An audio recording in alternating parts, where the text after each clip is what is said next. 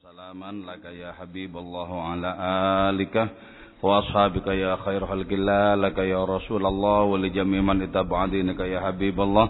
حقيقة من لدن آدم لا يوم القيامة رضي الله لنا ولهم الفاتحة. أعوذ بالله من الشيطان الرجيم. بسم الله الرحمن الرحيم. الحمد لله رب العالمين. الرحمن الرحيم. مالك يوم الدين. إياك نعبد وإياك نستعين. اهدنا الصراط المستقيم. صراط الذين أنعمت عليهم غير عليهم ولا الضالين. آمين. لتقربنا إلى الله تعالى لمحبتنا إلى رسول الله صلى الله عليه وسلم لسلامتنا في الدين والدنيا والآخرة لقضاء ديوننا لقضاء حاجاتنا من هوائج الدنيا والآخرة. تيسير أرزاقنا حلالا طيبا مباركا كثيرا وسع شد شادنا قلوبنا لشفاء أمراضنا ظاهرا باطنا دفع البلايا والمحن والفتن والأمراض الأسقام لمنابئنا لمصالحنا لأهل بيتنا وأولادنا وذرياتنا وجوارنا أصدقائنا وجميع المسلمين والمسلمات والمؤمنين المؤمنات الأحياء منهم والأموات ولعز الإسلام والمسلمين بجودك يا الله بشفاعة نبيك يا الله ببركة أوليائك يا الله بأسرار الفاتحة. أعوذ بالله من الشيطان الرجيم بسم الله الرحمن الرحيم الحمد لله رب العالمين الرحمن الرحيم مالك يوم الدين إياك نعبد وإياك نستعين اهدنا الصراط المستقيم صراط الذين أنعمت عليهم غير المغضوب عليهم ولا الضالين آمين sekarang kita mengkaji tentang sesuatu yang fana sekaligus sesuatu yang abadi. Di sini pada judul puisi yang akan kita bahas ini ada ungkapan rubu'un dari satun, rumah-rumah yang sudah hancur. Wahawa jadidun dan cinta yang senantiasa baru. Rumah ya, yang hancur. Kalau Maulana Rumi di dalam rubaiyat menggunakan istilah kharabat, reruntuhan. Jadi semesta ini adalah reruntuhan. Itu sebutan bagi adanya kefanaan semua yang ada di dunia ini. Nah kalau Ibn Arabi menyebutnya tulul, sama saja juga reruntuhan. Reruntuhan. Nah, dua istilah yang berbeda mengacu kepada sesuatu yang sama bahwa bagi orang-orang yang cahaya batinnya menyala begitu kuat, semesta ini terpandang sebagai reruntuhan, sebagai kefanaan. Qad zaharat kisfatul fana alaiha kata kita fikam. Darasat hancur rubuhum apa rumah-rumah mereka. Wa in hawahum dan sesungguhnya cinta mereka abadan selamanya jadi dunialah baru bil hasyad dalam mati mayadrus tidaklah hancur itu hawa atau cinta. Hadhi adapun ini tululuhum adalah runtun-runtun mereka. Hadhi adapun ini al-admu ialah air mata demi air mata. Walidzikrihim dan dengan mengingat mereka, mengenang mereka abadan selamanya, tazubu menjadi hancur lebur al-anfus apa jiwa-jiwa. Nada itu memanggil aku khalfarika bihim di belakang kendaraan mereka min hubbihim karena cinta kepada mereka ya man ghinahul husnu ha ana muflis. Ya man wahai orang ghinahu adapun. Kekayaan itu orang al husnu adalah keindahan ha ana muflis. Inilah aku orang yang bangkrut. Di sini yang disebut dengan rumah-rumah itu adalah rumah bagi amal kita yang tak lain adalah jasad. Jadi jasad itu adalah rumah bagi amal.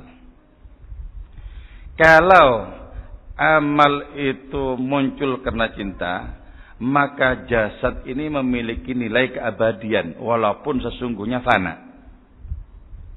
Jadi kekuatan cinta bisa menjadikan segala yang fana berubah menjadi abadi nilainya. Bisa menjadi abadi. Maka karena itu walaupun jasad ini fana betapa banyak orang-orang yang terpaut batin mereka dengan jasad. Syekh Abdul Qadir Jailani menjadi spektakuler karena tidak saja ruh tapi juga jasad. Para nabi, para wali juga sama. Bukan hanya roh, tapi juga jasad. Nah, jasad itu merupakan alamat tempat berfokusnya rindu orang-orang kemudian. Maka disebutkan, hadhi tululuhum. Ini loh reruntuhan-reruntuhan mereka. Sehingga kita bisa mengenang mereka, kita bisa berziarah, kita bisa mengambil jejak-jejak, memungut teladan-teladan dari kehidupan mereka. Nah, walaupun jasad itu fana, walaupun tempat amal itu fana, tapi wa inna hawahum abadan jadidun. Jadi cinta mereka senantiasa baru. Kenapa? Karena cinta itu sifat Tuhan dan sifat Tuhan tidak pernah musnah di dalam kehidupan ini. Maka karena itu, walaupun semesta ini adalah genangan kefanaan, kita bisa membangun kebahagiaan di sini. Itu ya, yang kemudian melahirkan doanya Gusmi.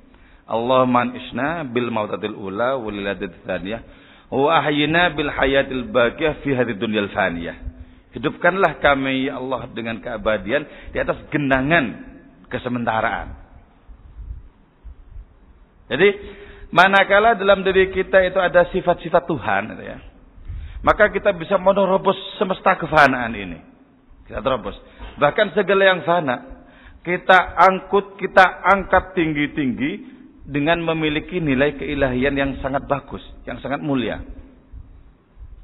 Nah itu yang kemudian Maulana Narwi mengatakan, apa sedihku?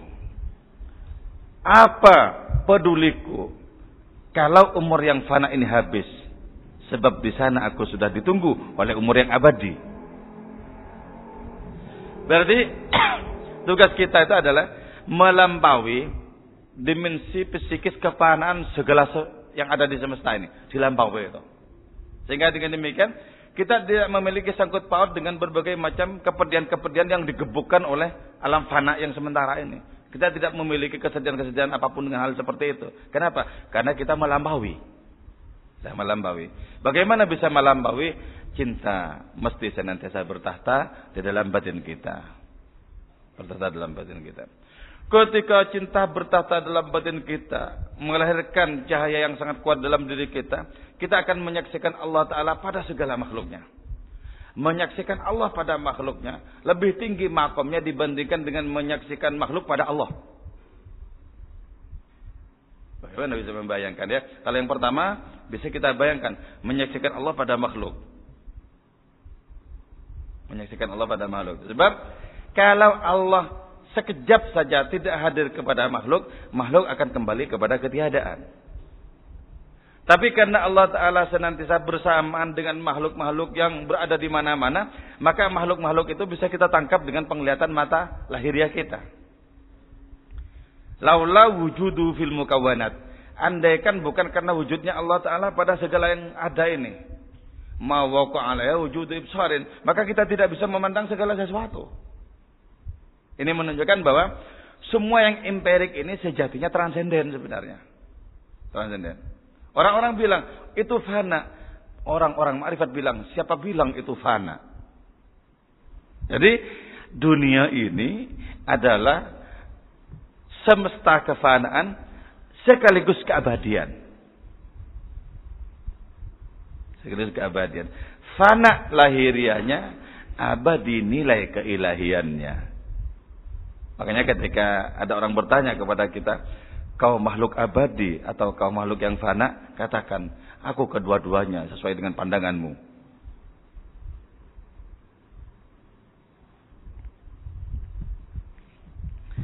Ini yang sangat mengagumkan ya, yang disebut dengan ahsan takwim. Bagaimana sesuatu yang abadi itu, yang agung itu, ditampung oleh Allah Ta'ala dengan remeh-temehnya jasad yang fana itu loh.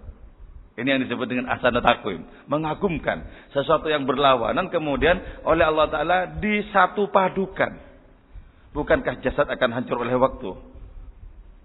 Tapi kenapa? Kalau jasad hancur oleh waktu, dijadikan bungkus oleh Allah Ta'ala terhadap ruh yang tidak akan pernah hancur oleh waktu.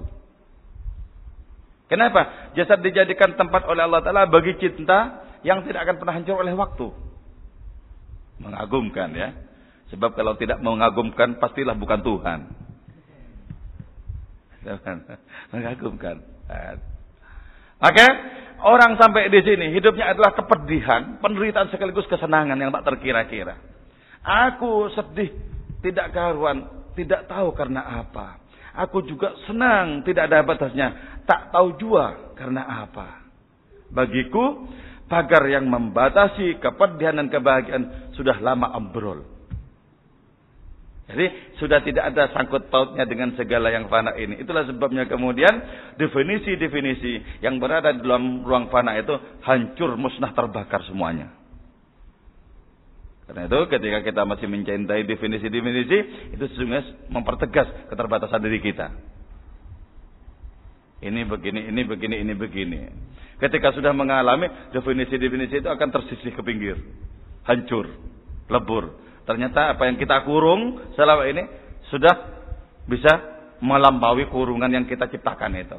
Sudah menembus, menjebol kurungan yang kita ciptakan itu. Sahkah sebuah definisi ketika kita menyaksikan cakrawala ketak terbatasan ilahi? Tidak ada. Tidak ada.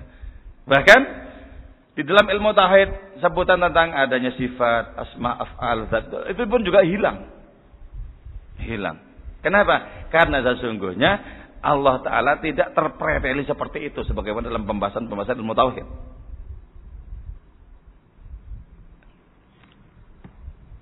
Hadhi tululuhum. Ini runtuhan-runtuhan mereka. Runtuhan mereka. Sebutan nama-nama yang begitu agung dalam sejarah kehidupan Nah mereka. Wahadil adamu ini air mata demi air mata. Air mata. Air mata yang sama sekali bukanlah simbol dari kecengengan dan ketidakberdayaan. Sama sekali bukan. Air mata yang merupakan simbol dari keagungan. Karena orang terentaskan dari kefanaannya menuju kebahagiaan ilahi. Air mata. Air mata seperti itu, setetes air mata yang seperti itu akan memadamkan seluruh api neraka. Masuk akal. Masuk akal. Bagaimana itu air mata cinta kok? Air mata cinta. Sementara neraka adalah implementasi dari keadilan. Nah, mana ngerti cinta terhadap keadilan? Cinta di atas segala keadilan. Karena itu setetes air mata cinta memadamkan seluruh air seluruh api neraka. Kita ketika jatuh cinta cenderung menjadi tidak adil. Ya boleh boleh ya boleh boleh ya boleh. Jadi tidak adil. Tapi di sini tidak adil tidak berarti zalim. Di sini tidak adil itu berarti apa?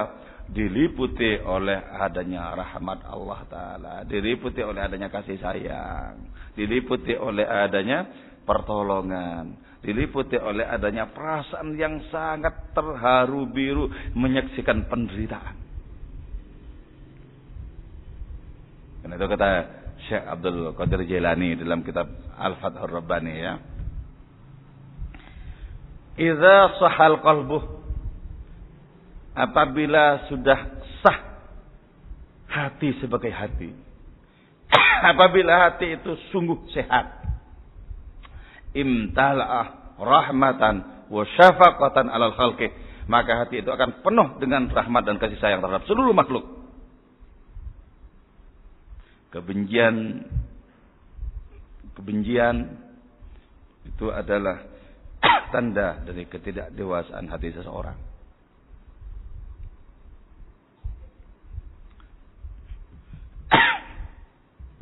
Nah, karena jasad-jasad orang pilihan Tuhan itu menampung cinta yang meluap-luap, walidzikrihim abadan tazubul anfus. Dengan mengenang mereka, jiwa menjadi hancur berkeping-keping. Jiwa menjadi hancur berkeping-keping. Bayangkan orang yang jatuh cinta kepada para wali, orang yang jatuh cinta kepada para nabi, jiwa mereka hancur berkeping-keping karena tidak memiliki kemampuan menampung luberan-luberan kebahagiaan.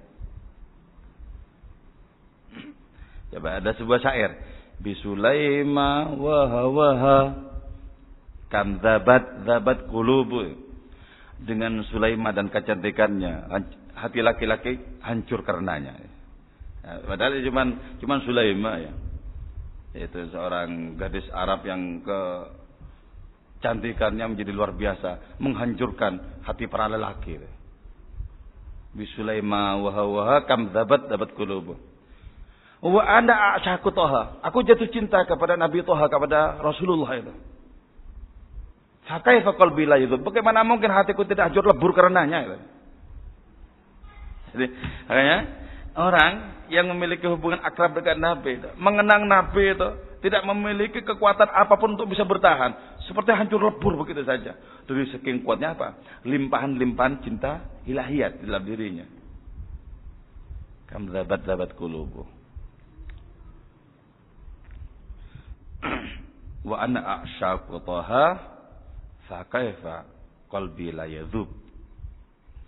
Nah, karena kuatnya pengaruh rohani mereka itu kemudian nada itu khalfarika bihim Aku memanggil dari belakang kendaraan mereka, dari belakang makam mereka. Aku memanggil karena cinta kepada mereka. Ya man ghina husnuh, wahai engkau yang kekayaanmu itu adalah keindahan ilahiyat. Ha ana muflis, inilah si bangkrut, jangan tinggalkan si bangkrut ini. Jadi ketika membaca biografi Nabi, membaca biografi para wali, terbayang keindahan-keindahan rohani mereka. Dan kita menyaksikan diri sendiri itu hancur, tidak memiliki martabat rohani apa pun. Kita katakan, ha ana muflis, ini si bangkrut, tolong jangan tinggalkan si bangkrut ini, jangan tinggalkan. Jangan tinggalkan. Jadi, berarti apa? Kedekatan dengan mereka, keterpautan dengan orang-orang ilahi itu ya, adalah keberuntungan. Syekh Abdul Qadir dalam manakib misalnya menyatakan begini. Tuba liman ra'ani Aur aman ro'ani, aur aman ro'aman ro'ani. Ila sabin wa isrin. Beruntung orang yang pernah menyaksikan aku. Kalau tidak menyaksikan aku, menyaksikan orang yang pernah menyaksikan aku. Kalau tidak pernah menyaksikan orang yang menyaksikan aku, menyaksikan orang yang pernah menyaksikan, pernah menyaksikan, menyaksikan aku. Ila sabin wa isrin sampai 27 rangkaian. Jadi ini masih itu masih kuat ya. Energinya itu masih kuat. Menyaksikan beliau itu kalau menyaksikan beliau saja masih kuat, apalagi orang bisa bermimpi para sahabat Nabi, apalagi sampai bisa bermimpi Nabi, kan kuat sekali ya. Kuat sekali. Sekarang bagaimana melakukan lompatan misalnya ya? Kita menggunakan menggunakan puisi-puisi ini untuk memiliki keterhubungan rohani dengan orang-orang yang akrab dengan Allah. Katakanlah dengan Syekh Abdul Qadir Jilani yang memang menyediakan diri untuk menjadi tangga bagi siapa pun. Suatu saat beliau pernah menyatakan, "Faida sa'altumullah taala fas'aluhu bi." Kalau kalian mohon kepada Allah, mohonlah lewat perantara aku ini. Aku tidak pernah tertolak. Nah, kalau kita menggunakan lompatan dengan puisi ini kepada beliau misalnya, kan 27 tuh, 27. Bagaimana sampai sekarang? Wong dari Syekh Abdul Qadir sampai sekarang sekitar 40 misalnya. Bagaimana sampai sekarang bisa seperti itu? Bisa saja menjumpai kekasih Allah Ta'ala yang pernah berjumpa Nabi Khidir. Sebab Nabi Khidir itu selama tiga tahun berturut-turut itu menjadi pembimbing langsung si Abdul Qadir Jailani dengan syarat yang tak mungkin bisa dilakukan dipenuhi oleh orang-orang sekarang. Ketemu di padang sahara. Nabi Khidir bilang kamu berkawan dengan aku? Mau? Syaratnya satu. Oke kau tunggu di sini jangan ke mana-mana sampai aku kembali lagi ke sini. Ternyata setahun baru balik lagi ke situ. Setahun baru balik lagi ke situ. Nabi Khidir bilang, jangan ke mana-mana ya, aku tak pergi dulu. Setahun berikutnya baru dijenguk lagi, masih di situ. Tiga tahun lolos. Jadi kalau kita mengenang mujahadah orang-orang yang dekat dengan Allah Ta'ala apa mengerikan ya. Terutama ketika kita membayangkan ketidaksanggupan diri kita. Bayangkan beliau itu pernah selama 40 tahun salat subuh dengan wudhunya salat isya. Habis tahu kita? Habis nggak ada apa-apanya. Kalau cuma 4 malam saya bisa insya Allah ya. Jadi saya sekarang punya wudhu sampai tahan sampai subuh kalau cuma ini 40 tahun. Salat subuh dengan wudhunya salat isya. Berarti kan malam tidak pernah lalai. Gitu. Nah, bagaimana mungkin Orang yang reputasi rohaninya seperti itu, kok tidak memiliki kekuatan untuk mencengkram siapa pun yang memiliki garis-garis rohani dengan mereka. Lau anna muridi wa muhibbi fil masyriq wa ana fil maghrib, kata beliau. Kalau pecintaku, kalau santriku, muridku berada di timur dan aku ada di barat, la madatu yadi ilahim. Aku bisa menjangkaukan tanganku kepada mereka. Jadi apa yang disebut sebagai keterhubungan rohani itu konkret sebenarnya, konkret. Cuma konkret dalam dunia spiritual itu tidak sama dengan konkret dalam dunia fisika. Kalau dalam fisika itu, ya ini empiris, ini empiris, ini empiris. Cinta nggak ada. Kenapa nggak empiris? Coba belahlah dada seseorang. Adakah cinta bersama yang di dalamnya? Gak ada. Gak ada. Cinta tidak empiris. Tapi bukti-buktinya begitu nyata dalam kehidupan ini. Kalau tidak karena cinta, untuk apa engkau begadang sepanjang malam mengenang dia? Kalau tak karena cinta, untuk apa engkau bersair dan berdendang menyebut namanya?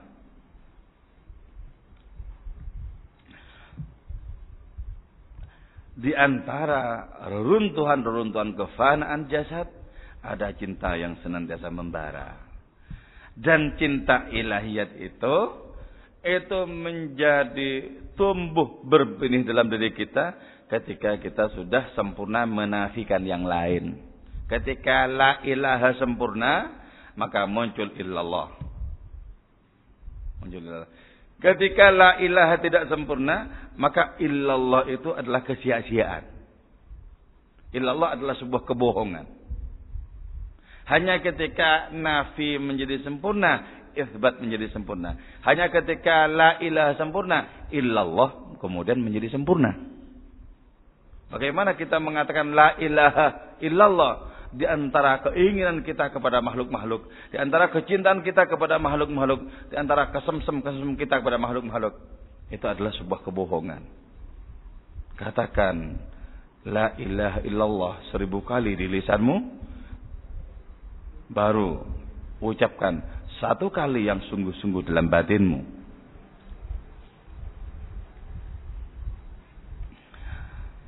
Marautu melumuri aku khaddi kepada pipiku rekatan dengan kelembutan wasababatan dan kekerasan.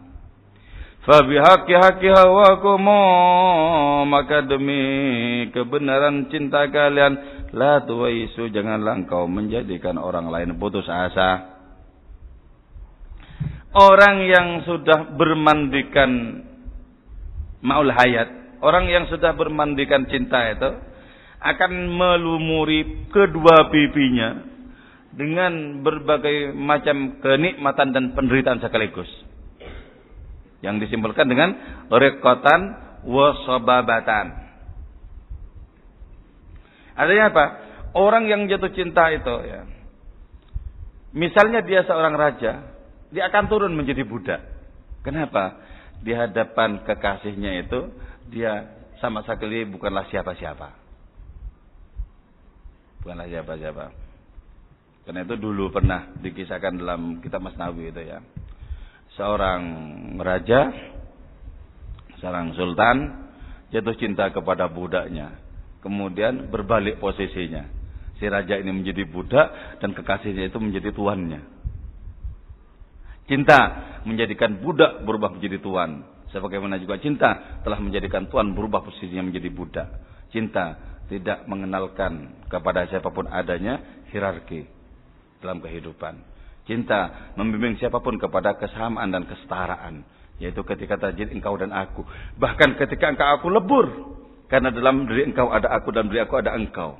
Untuk apa sebutan-sebutan itu diungkapkan? Kalau ternyata keduanya adalah palsu belaka. Ketika engkau berdiri sebagai engkau, palsulah cintamu. Sebagaimana ketika aku berdiri sebagai aku, palsulah cintaku. Bebaskan diri dari sebutan aku dan engkau. Maka kita memasuki samudra cinta yang sesungguhnya. Betapa memalukan orang bilang dirinya berjujur cinta, tapi begitu sangat kuat keakuannya.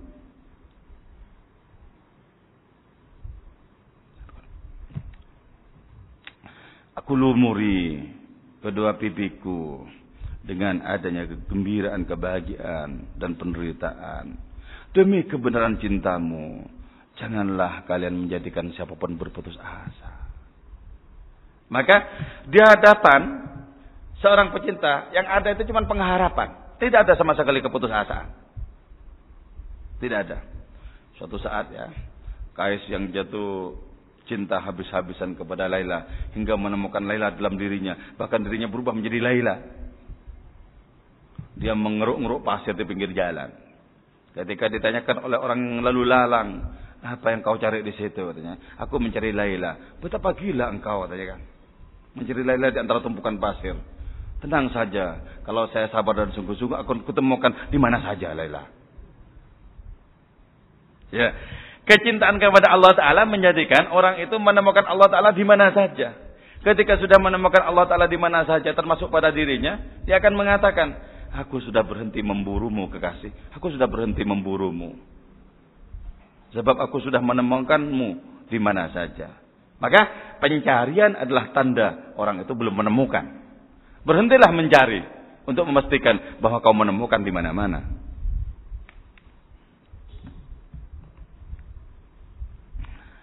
Dhalla fi abaratihi ghariqan wa fi naril asahariqan wa la yatanafas. Siapa itu orang yang jatuh cinta? Dia yang sudah sepenuhnya diliputi oleh air mata dan nafas yang membara. Cinta itu ya, cinta itu panas rasanya. Panas. Karena itu orang jatuh cinta itu sangat kesulitan tidur panas, membara. Jadi kalau orang yang banyak tidur itu tanda nyata tidak jatuh cinta. Betapa memalukan seseorang yang terkantuk-kantuk di hadapan kekasihnya. Enggak ada cinta.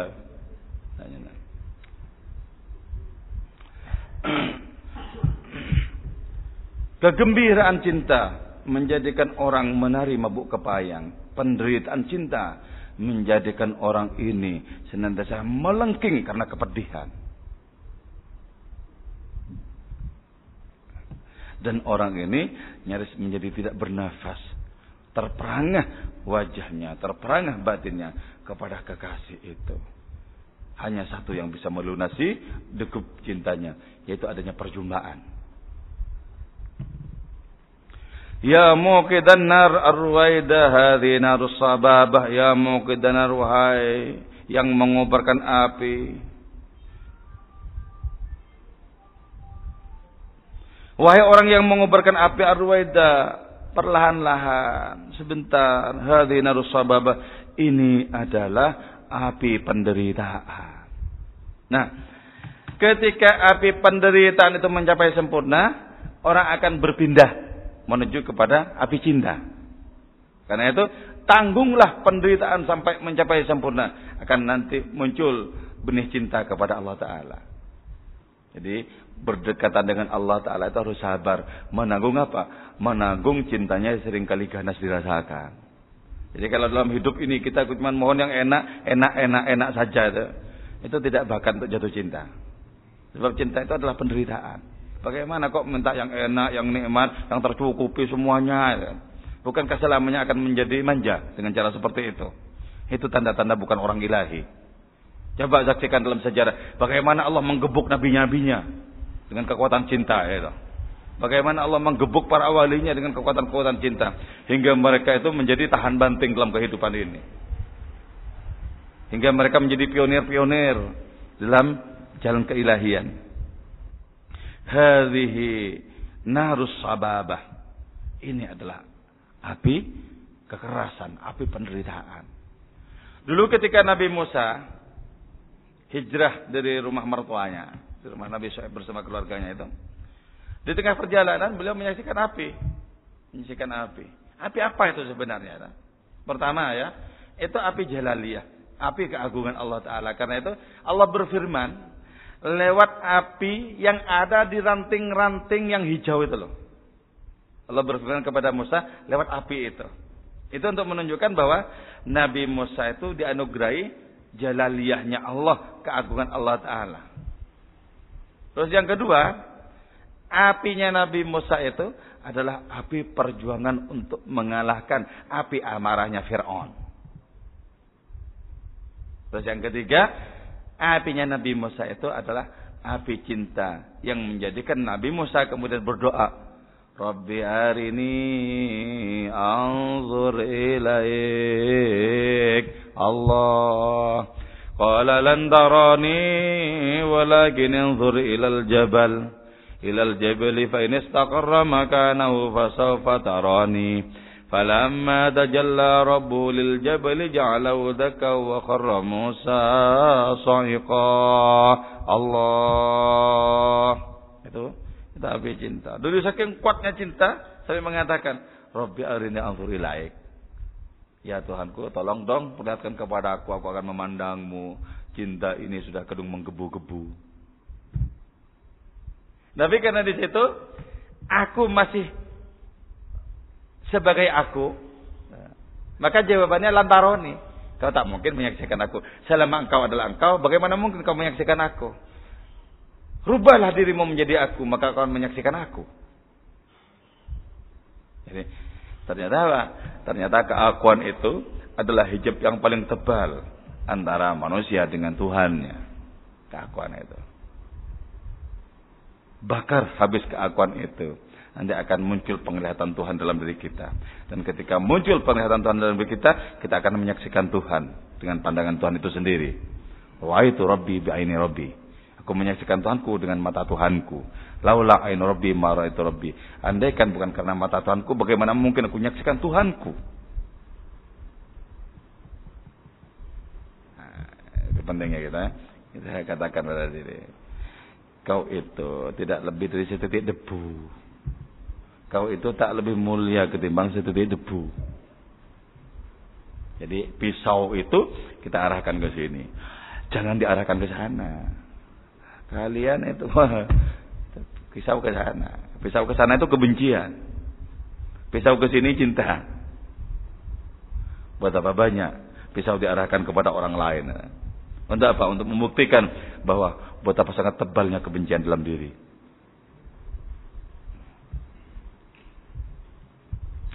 Ini satu judul selesai. Ada yang bertanyakan? Ayo.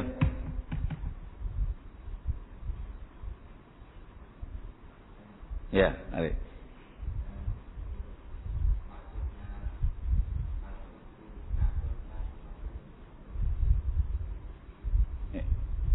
Itu apa itu hadis ya? Apa?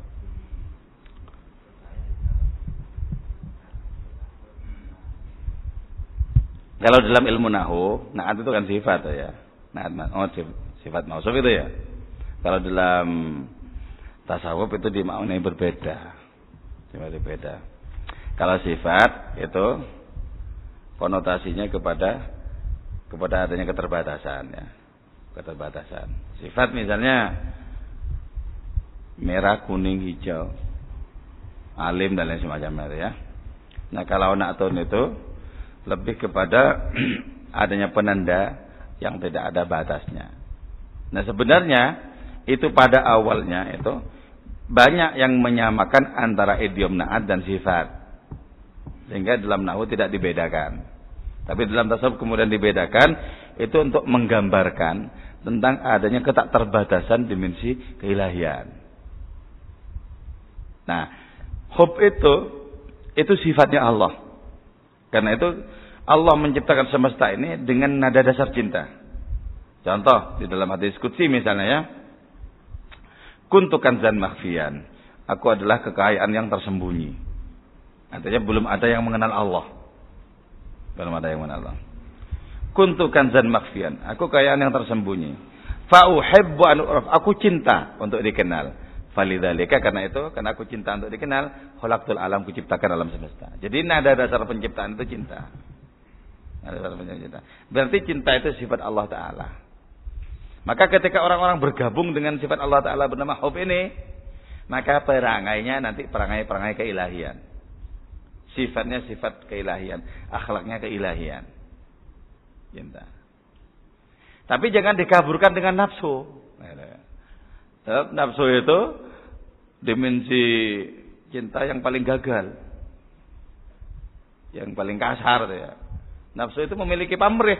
Aku berkorban ini, aku dapat apa? Nafsu. Aku dapat apa? Aku mentraktir kamu, terus aku dapat apa? Nafsu.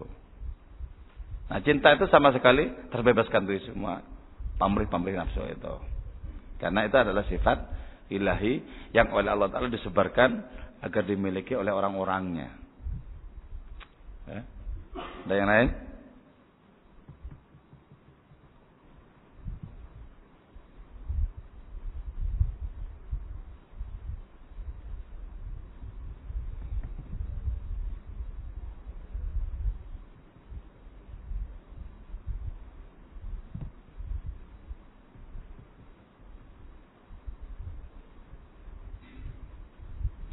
Coba kalau nggak ada kita latihan menyaksikan Allah ya.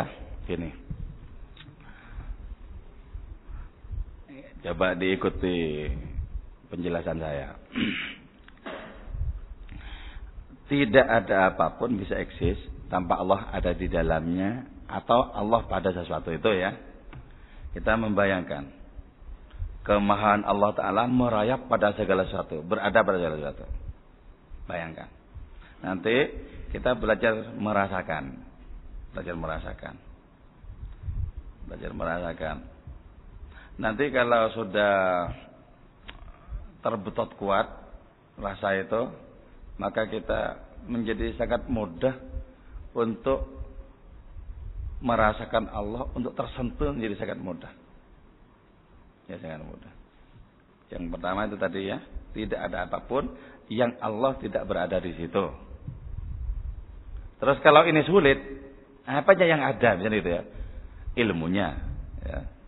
Terus apa lagi? Kekuasaannya, apalagi kehendaknya, tanpa kehendaknya kan tidak bisa ada itu. Terus apa lagi? Rahmatnya. Tapi orang makrifat apa ya? Ya zatnya. Jangan bayangkan bahwa zat itu adalah benda yang kita saksikan bukan berkaitan dengan Allah Taala. Zat Allah Taala itu apa? Ya diri Allah itu yang sesungguhnya tidak terpisah-pisahkan antara sifat, antara afal, perbuatan, antara zatnya itu tidak ter, terpisah-pisahkan. Itu kita. Oke, sudah ini, sudah bisa memahami ini? Ya, memahami ini. Sekarang kita belajar untuk bisa merasakan. Ketika nanti kita menyebut Allah, saksikan, rasakanlah Allah Ta'ala itu hadir pada segala sesuatu yang bisa kita bayangkan. Hadir pada segala sesuatu yang kita bayangkan. Pada langit, pada bumi, pada gunung-gunung, pada samudra, dan lain semacamnya. Oke. Coba. Sekarang dipejamkan mata ya. Dipejamkan mata. Ini dalam rangka apa kok dipejamkan mata? Dalam rangka menutup adanya kemungkinan konsentrasi pecah kepada yang lain-lain. Nah, itu -lain. Nanti ikuti saya membaca Allah ya. Coba fokus, fokus kepada kehadiran Allah Taala pada segala sesuatu, termasuk pada diri kita sendiri, pada nafas kita, detak jantung kita. Coba setelah itu ikuti. Allah, ayo. Allah, Allah.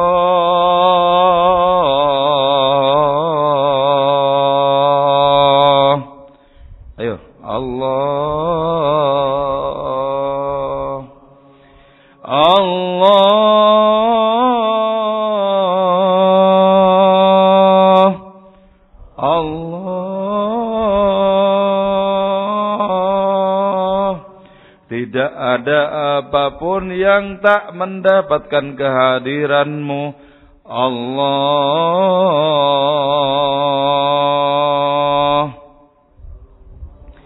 Oh, yang tegas. Oh, Allah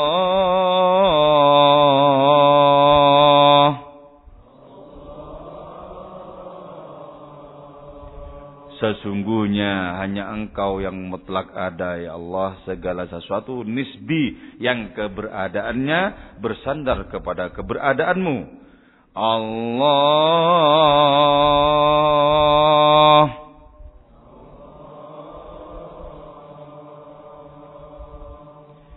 Allah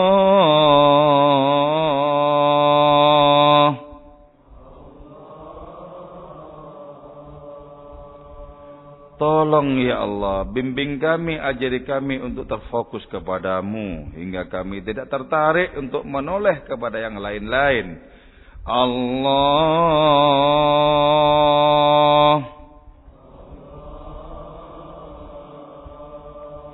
Allah.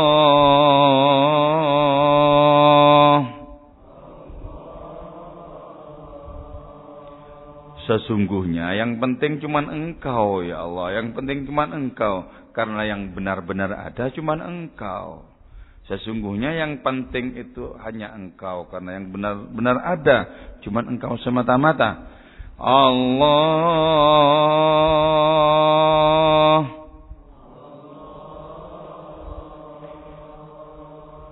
Allah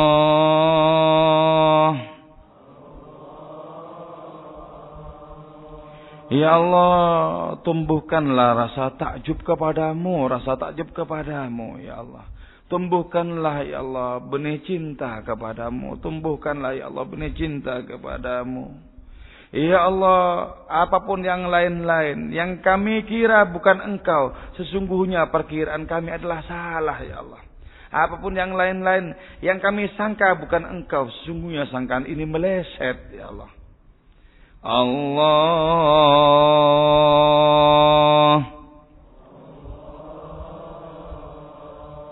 Allah.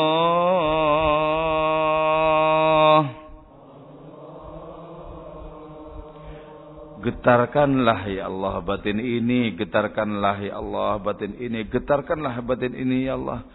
Sehingga ketika kami menyebut namamu, kami tak bisa membayangkan kemahaanmu, kebesaranmu itu. Ketika kami menyebut namamu, ya Allah, sesungguhnya engkau melampaui segala sesuatu.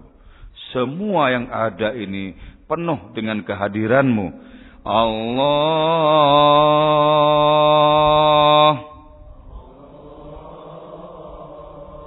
Allah.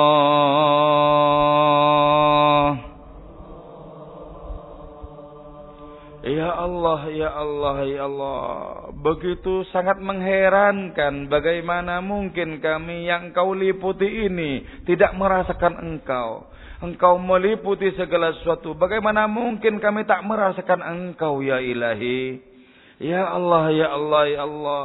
Kemahakuasaanmu begitu nyata. Sebagaimana engkau maha kuasa menjadikan kami tak merasakan engkau. Engkau pun maha kuasa untuk menjadikan kami sepenuh-penuhnya merasakan engkau. Allah.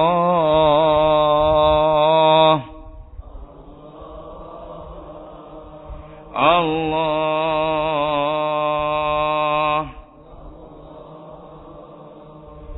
Ketika engkau betul-betul agung dalam hati kami. Sepele apa pun yang lain ya ilahi Ketika engkau agung dalam batin kami, sepele apa pun yang lain ya ilahi. Jangan jadikan diri kami kerdil di hadapan berbagai macam persoalan hidup ini. Hanya engkau yang agung. Engkau yang pantas untuk kami perhitungkan. Engkau yang agung. Engkau satu-satunya tamu. Yang semestinya bersemayam dalam hati kami. Allah.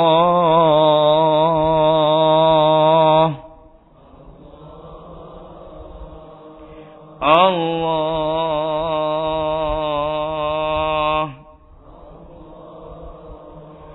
Ya Allah, begitu lelah kami mencarimu, begitu lelah kami mencarimu bertahun-tahun, berpuluh-puluh tahun. Sejarah-sejarah terbentang abad demi abad tergelar. Tak kunjung jua untuk merasakanmu.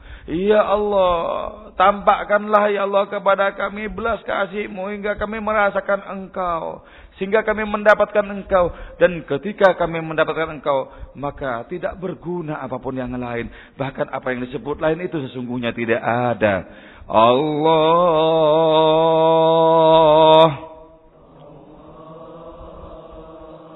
Allah.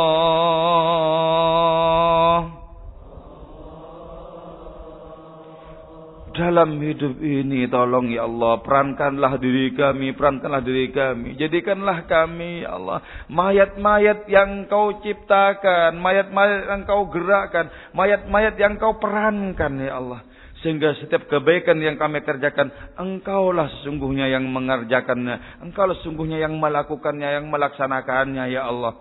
Allah.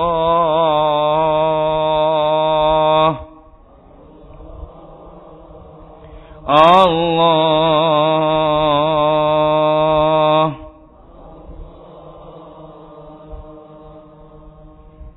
Sudah cukup ya. Ini di dalam bingkai iradah ya. Nah di dalam bingkai amarnya lain lagi. Ke dalam tadi kita menyaksikan segala satu Allah. Tapi di bingkai amarnya Allah kita diwajibkan melaksanakan perintah kerjakan gini, kerjakan gini. Kalau orang seperti itu, kalau kau bisa diarahkan kepada yang benar, dicegah kalau mengerjakan keburukan, ini amarnya. Amarnya. Nah, amar ini yang telah menciptakan berbagai macam kelompok dan keanekaragaman. Ini ada rahasia terbentang luar biasa. Para wali banyak bungkam di sini. Kenapa? Karena nanti bisa menghancurkan tatanan keagamaan dan keagamaan. Sebenarnya orang yang dibeningkan batinnya menyaksikan Allah Ta'ala tidak pada orang yang patuh saja. Pada orang-orang yang melakukan pengingkaran juga menemukan Allah Ta'ala. Ya, gitu. Apa mana kehendakmu? Di sini hanya dijawab dengan adanya kepedihan demi kepedihan. Mada aradallah bihadza mathala. Yudillu bihi wa yahdi bihi kathira. Di mana engkau sebenarnya ya ilahi Kau berada di balik yudillu dan yahdi. Ketika itu sudah ditemukan semuanya, pembatas-pembatas menjadi ambrol, maka kemudian di situ kekufuran adalah keimanan, keimanan kekufuran. Bikin orang puyeng ini. Nah, karena itu kemudian banyak kitab-kitab para wali itu disuruh bakar. Bakar saja, bakar saja nggak ada gunanya. Jadi sesungguhnya agama itu berada pada level tertentu, batas tertentu. Selebihnya adalah pengalaman-pengalaman rohani yang terlarang untuk disampaikan. Terlarang untuk disampaikan. Karena itu sampaikan apa yang semestinya disampaikan sesuai dengan kadar pemahaman orang-orang yang ada di depan kita. Selebihnya biarlah hanya menjadi pengalaman personal antara kita dengan Allah Ta'ala. Ada yang ditanyakan? Ya Rabbi salli ala Muhammad ashrafi badrin fil kauni ashrak. Ya Rabbi salli. Nah Nabi Muhammad ini loh rahasianya Nabi Muhammad ini sebenarnya rahasianya. Rahasianya. Ini sebuah pintu besar Nabi Muhammad ini, pintu besar. Yang kalau orang melewati pintu itu pasti sampai di Gusti Allah. Wong rencana penciptaan itu cuma Nabi Muhammad sebenarnya. Hanya penciptaannya. Jadi ketika kita bersalawat, kita kembali kepada awal mula penciptaan ketika masih orsinil itu loh. Ketika menyaksikan ciptaan, menyaksikan penciptanya. Sekarang kalau sudah tercipta ribuan jutaan miliaran gelombang sehingga menjadi seperti sangat tebal jarak antara kita dengan Allah Taala.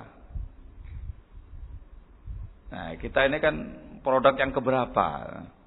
Nah, sudah sedemikian banyaknya tercipta gelombang-gelombang makhluk itu. Ketika kita masuk ke dalam selawat itu, masuk kepada penciptaan yang pertama. Dulu ketika masih asri ke alam kehidupan ini kan gampang tergetar menyaksikan kemahan Allah Taala. Setelah semakin lama, semakin tebal jarak karena berbagai macam kausalitas yang terus berantai itu menjadi semakin sulit. Karena itu kembali lagi kepada awal mula penciptaan. Ya Rabbi salli ala Muhammad akrami da'in yad'a ilal haq Ya Rabbi salli Ya Rabbi salli alaih Ya Rabbi salli ala Muhammad al-Mustafa as-Sadiq al-Musaddaq Ya Rabbi salli ala Muhammad يا رب صل على محمد أهل الورى منطقا وأصداق. يا رب صل يا رب صل عليه. يا رب صل على محمد أفضل من بتقى تحقق. يا رب صل يا رب صل على محمد من بالسخاء والوفاء تخلق يا رب صل يا رب صل على محمد واجمع من الشمل ما تفرق يا رب صل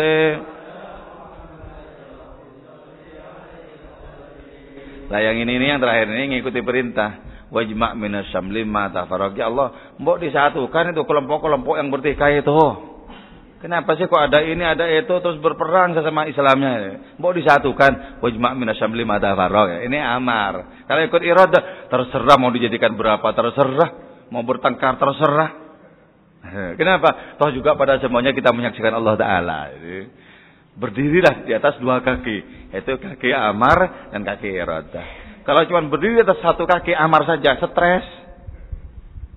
Gimana kok nggak bisa ya Allah sudah aku sampaikan apa yang disampaikan, ternyata nggak berubah juga, stres.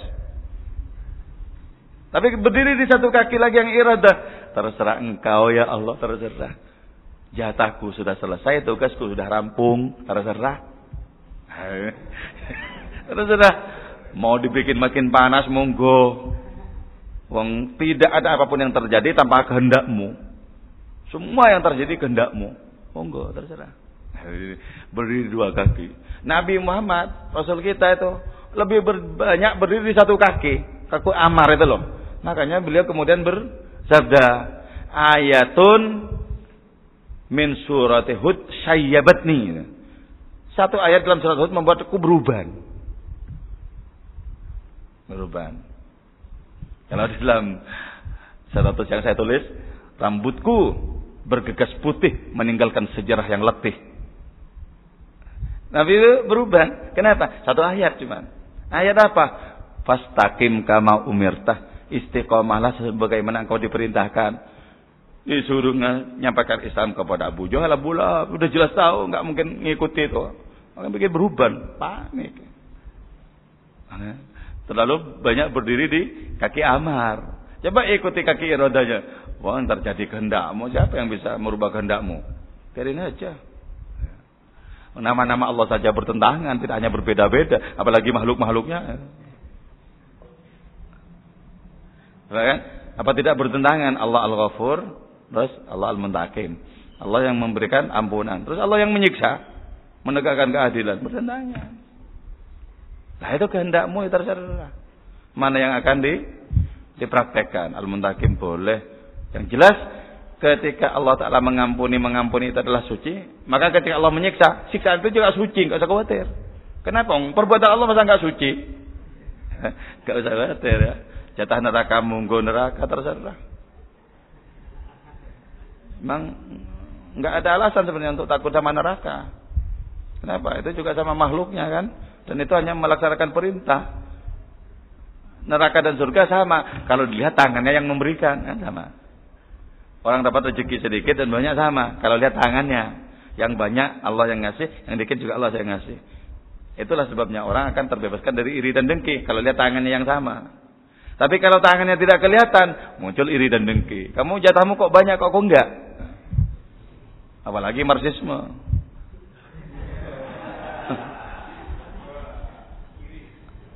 Eh, nggak bisa itu. Hanya jangan terlalu istiqomah di amar melanconglah di dalam iradanya Allah kita akan bahagia selalu. Kehendakmu gak masalah. Apa yang bukan kehendakmu? Kehendakmu semua. Wassalamualaikum warahmatullahi wabarakatuh. Allahumma salli ala Sayyidina Muhammad